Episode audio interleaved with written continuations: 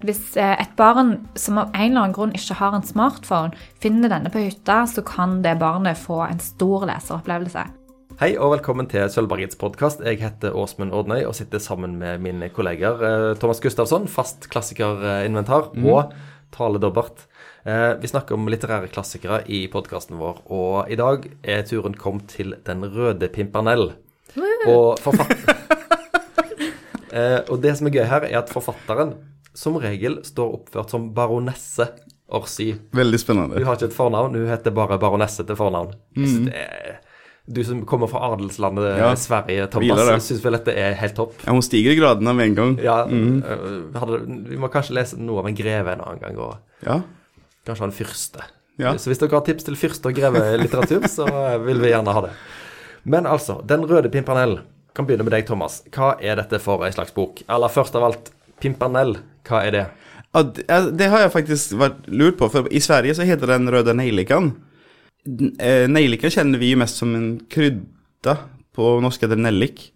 Men jeg har forsøkt å finne ut av hva det Men det er ikke det samme helt, så uh, det virker som at, uh, at eh, Hva ser ni på? Nei, altså eh, Carl, Carl von Linné sitt hjemland. Ja. Der har de tatt navn som er mye sånn simplere enn Men den, ja, jeg vet ikke helt Det Pimpinell er jo liksom Jeg vet ikke helt hva det kommer av. Men, men eh, det, han, det er hans Det er en blomst. Og det er det han bruker som sånn Når han har gjort en sånn kupp, da. ja, så nå, nå lem- går du litt for Oi, forlåt. Okay. Han, hvem er han? Å ja. Han, det som heter Røda Liljekan, det er en mann, da. Og um, han, hans kodenavn er Røda Nelikan. Eller Røde Pimpinell. Og da, en, han har gjort noe, sånn kupp, eksempel befridd noen franske adelsmenn som skal bli Ja, altså, jeg hadde håpet Thomas, at du skulle si Den røde pimpernell foregår under etter, etter, det, den franske revolusjonen. Det er jeg som har dette klart. Det var meg du skulle Jeg vet spurt ikke om, hvorfor du spør meg! Jeg har bare rota meg vekk i svensk biologi. Ok, så Den røde pimpernell er eh, en djerv, maskert eh, brite som redder franske aristokrater ifra giljotinen under den franske revolusjonen. Så vanskelig var det. Ja, ok. Nærmere bestemt i 1792. Og for de spesielt eh, historisk interesserte, så var det altså eh, det året eh, rett før liksom skrekkveldet begynte. Så det var på en måte før kongen var henretta, eh, hvor det fremdeles var mulig for aristokratene å komme seg unna. Og det var litt ekstra sånn uro. Skulle det internasjonale samfunnet gripe inn? Skulle de ikke? Kom det til å bli krig? Hva kom til å skje? Og ja, før alt gikk til helvete, da. Ja, Men hva er grunnen til at han gjør dette, denne briten? Det er jo et mysterium som vi finner ut av i løpet av boken. Men, men eh, ryktet sier vel Det er vel han, han er en edel eh, og heltmodig fyr, rett og slett. Som bare Ja. ønsker å hjelpe andre. Jeg tror at han liker action og spenning. Ja, det tror jeg òg. Og så er han jo aristokrat sjøl, Ja. så han redder jo på en måte sin egen klasse her. Det, det, er jo, for det er jo skrevet sånn ca. 100 år etter det, det skjedde. Og det var vel sikkert nærmere i, i minnet, på en måte, da. Sånn Ja, For denne kom ut i 1905. Ja. eh, Etter at det først var et teaterstykke, leste jeg. Oi, Altså. Romanen kom med, for å tjene mer penger sikkert på noe som allerede var en stor suksess. Teaterstykket var ikke en stor suksess først. Og så eh, var det noen som hadde troen på det og gi ut som bok, og da ble det en supersuksess som, som forsørgde baronessen og hennes mann for resten av deres liv. De hadde tre hjem. De, hadde, de bodde i Monte Carlo, og i London og ute på landet. Så de levde lykkelig pga. den boken. Og så skrev hun masse oppfølgere og eh, prequels liksom, til den her. Men det var hovedhistorien er den her boken vi leser i dag. da. Og, og så ble det en suksess på teater og gikk eh, 2000 forestillinger og veldig suksess. Og den oversetter mange, mange språk. Men, og mitt, en, mitt ene forhold til denne boken er at den alltid gikk på TV når jeg var liten. På typ, sånn nyttårsaften eller noe. Så det er en sånn film som man alltid så når man var liten, da. Og Tale, du har eh, sterke minner knytta til Jeg den har ja, sterke minner. Jeg forbinder jo denne boken med hyttelitteratur. sånn hyttelitteratur. og Jeg ser ennå for meg at hvis eh, et barn som av en eller annen grunn ikke har en smartphone, finner denne på hytta, så kan det barnet få en stor leseropplevelse. Men den her eh, lå jo på hytta eh, da jeg vokste opp. Eh, Vi var på vinterferie i Sirdalen. Og min kjære far valgte da å lese boken høyt for oss, som var en stor suksess, og alle koste seg. Alle ville at han, lyst, at han skulle lese videre. Men så var det tid for middag, og det var jo helt uhørt når du var midt i en spennende historie. Og så var det pappa som hadde lagd middag, da. Og da hvis, eh, Det var tomatsuppe. Den så ikke helt god ut, for å være helt ærlig. Og så drev, altså, altså, Som en ansvarlig voksen mann så drev han med utpressing og sa at eh, ja, hvis dere vil høre mer om Den røde pimpernell, så må dere ikke bare spise suppen, dere må òg si at den er god. og eh, som et, eh, et normalt utpressingsoffer så gjorde vi jo det, da. Og så viste det seg etterpå at den tomatsuppen var gått ut eh, på dato for 20 år siden. Wow. Og den smakte OK, altså. Den var bra. Ja. Så brun ut, eller noe sånt. Ja. Er dette ei barnebok? Jeg vet ikke helt. Det er litt sånn ja og nei. Familiebok, kanskje? Familiebok, ja. Men, men du sier at om en unge hadde funnet den på hytta, hvilken alder tenker du da? Det var et veldig godt spørsmål. Sånn yngre tenåring, kanskje? Eller, Ja, ja. ja. eller lesevante, kanskje litt yngre. Men for den, den, den er Det er jo ikke en ren barnebok, for den er jo komplisert nok til at, at det blir vanskelig. Men eh, små barn kan høre den bli fortalt, for det, det er jo spennende. Veldig spennende. Og så er det litt sånn Det er litt vanskelig språk. Mye eh, sånne termer som man kanskje ikke kjenner hvis man er ganske Ja. liten. For det foregår jo sant, under den franske revolusjonen. Det er gamle dager, det er baroner og jeg, jeg vet ikke jeg hva. Ehm, men, eh, men dette er jo en, en forløper til Jeg tenkte jo på Zorro når jeg eh, leste denne. Og Mm. den her kom jo ut før Zorro, så, så det er jo en forløper til masse sånn En hel haug av maskerte helterfilmer.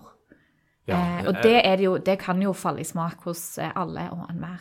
Det, det, for det forsto For vi Når vi spiller inn, så bruker jeg ikke jeg få spørsmål på forhånd. Men når du spiller inn med tale, så, så har vi fått det på forhånd. Så jeg har liksom forberedt meg litt på, på den måten, i stedet for bare mine egne tanker, som jeg, det store egoet jeg ble gjøre. Og da har jeg fått det også med meg at, at eh, dette var den første, faktisk. Dette er en eh, Så alle de eh, Hva var det du sa? Zorro? Men også liksom sånn Bruce Wayne med Batman. Og det er jo ganske kult, da. At, det, at hun har kommet på den tingen. Og det med at, eh, at han har en sånn greie han legger igjen etter seg, liksom. En sånn En kjennetegn. Det er sant, ja. Det er. Som de, som de jo alltid har i sånne amerikanske seriemørderting. Så er det alltid sånn at de enten tar med seg et øre og den de har drept, eller noe sånt. Liksom, at de alltid har en sånn calling card, liksom. Ja. Ja, jeg, jeg så dere den der eh, Kastanjemannen Nei. som ligger på Netflix? Det er jo eh, sånn parteringsdrap hvor han alltid legger igjen en, eh, en figur lagd av kastanjenøtter. Å, wow. Ja, okay. sant? Og, og, og uh, Blade Runner.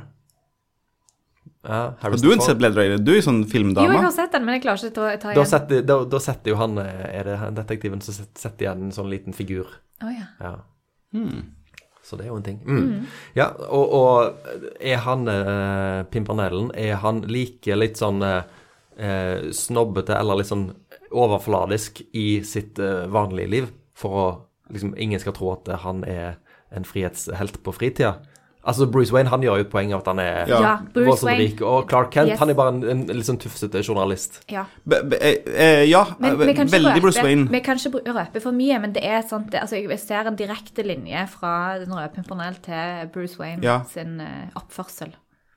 Jeg vil også si at eh, Raoul Wallenberg, eh, som räddade cirka 15 000 jøder under andra världskrigen, blev inspirerad til å gjøre det han gjorde etter å ha lest eh, Den røde pimpernell. Han sa til sin søster det, det, här, det her kunne jeg tenkt meg å gjort. Og så gjorde han det. og så eh, efter andra världskrigen så forsvant han i Sovjet og ble- kom aldri Han, han døde antakelig i et fengsel i Sibir.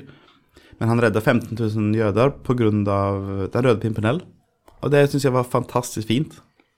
Ja, det er jo litteraturens eh, kraft i Ja. praksis. praksis. Og denne boken er veldig liksom. boken, ja, Men den, også, den er også veldig romantisk. Den er liksom, det er en kjærlighetshistorie som, som er ganske fin. Men eh, kan dere si noe om um, den skrivestilen til denne baronessen? Hva er er, det, er det på en måte en ren um, plottdrevet, actionaktig måte å skrive på?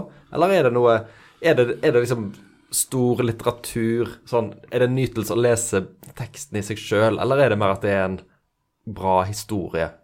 Det er en bra historie. Ja. Det, det er en sånn typisk eh, Det er en typisk liksom eh, litt Greven av Monte- Cristo eller eh, Jules Verne eller altså den typen den tingen som i hvert fall jeg leste når jeg var midt i tenåren. Slukte liksom en bok per dag om dagen, og da var det liksom eh, Det er veldig spennende, og du bryr deg ikke om hvilken stil det er skrevet i, eller sånn. sant? Det, det, er mer, det er veldig driv i det, da.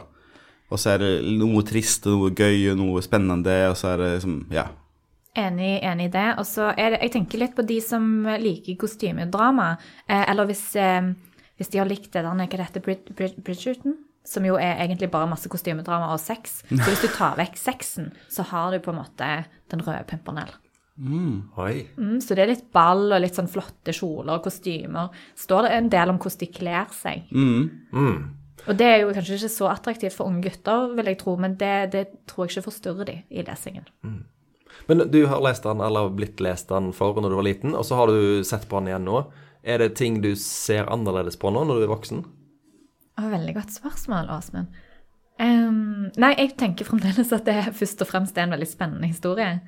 Eh, og så gjør man seg jo kanskje noen sånn kritiske tanker eh, i voksen alder. Litt sånn hva slags eh, moral er det som kommer ut av denne historien, eh, egentlig? Eh, fordi at eh, jeg vet ikke, var alle franske aristokrater egentlig så snille? Og var det ingenting å utsette på den britiske overklassen sin livsstil? Det, det, det er ikke så veldig sånn samfunnsmessig kritikk egentlig i denne boken, til tross for han spiller i en så politisk periode, eller så aktiv periode. Ehm, men det, det gjør egentlig ingenting. God underholdning. Det jeg, det jeg tenker som jeg ser annerledes på jevnført med når jeg var yngre, er at hvilket offer han gjør. At han er villig til å være en idiot. Alle, alle forakter jo han, liksom. Ser ned på ham, liksom. Eh, som, som den offentlige personen han er. For at han, han ler dumt og klær seg overdådig, og han er liksom en sånn lite løyevekkende person. Men løyevekkende er ikke et norsk ord, tror jeg. Han er en litt så latterlig person, liksom.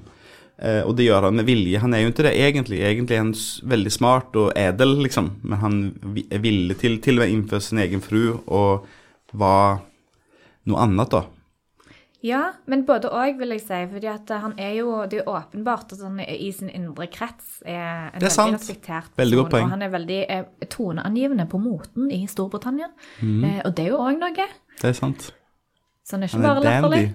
Men jeg, jeg tenker, når jeg leste den, så tenkte jeg litt på deg, Thomas, fordi at du er jo så opptatt av stolthet i litteraturen. Hva stolthet får folk til å gjøre. Og det syns jeg er veldig sentralt i, dette, i denne boken òg. Eh, fordi at denne misforståelsen mellom mann og kone og eh, mye dramatikk som kunne vært unngått hvis de ikke bare, hvis alle slutta bare å være så solgte og, Ja. og sa det de egentlig tenkte og følte. Det var en fin avslutning. Eh, Men det hadde jo blitt lite litteratur igjen, da. Hvis, hvis alle bare skulle lagt kortene på bordet og sagt at eh, dette sånn har jeg det. Hvordan har du det? Men, Det men jeg sånn. tenker ved, sånn som du at du kan jo Eller du sa i begynnelsen at man kan bruke litteraturen i, i sitt virkelige liv. Og man kan sitte igjen med at, det, at det, du kan heller være åpen og ærlig i stedet for å være stolt og eh, skjule deg. Så kan du ha lært deg noe. Ja. Det var en bra avslutning. Men altså, jeg koste meg så veldig når jeg leste den. Det må jeg bare si. Jeg anbefaler den. Jeg syns du skal gå og lese den hvis du hadde dårlig helg, Åsmund. Så syns jeg du skal kose deg med denne. Takk skal du ha.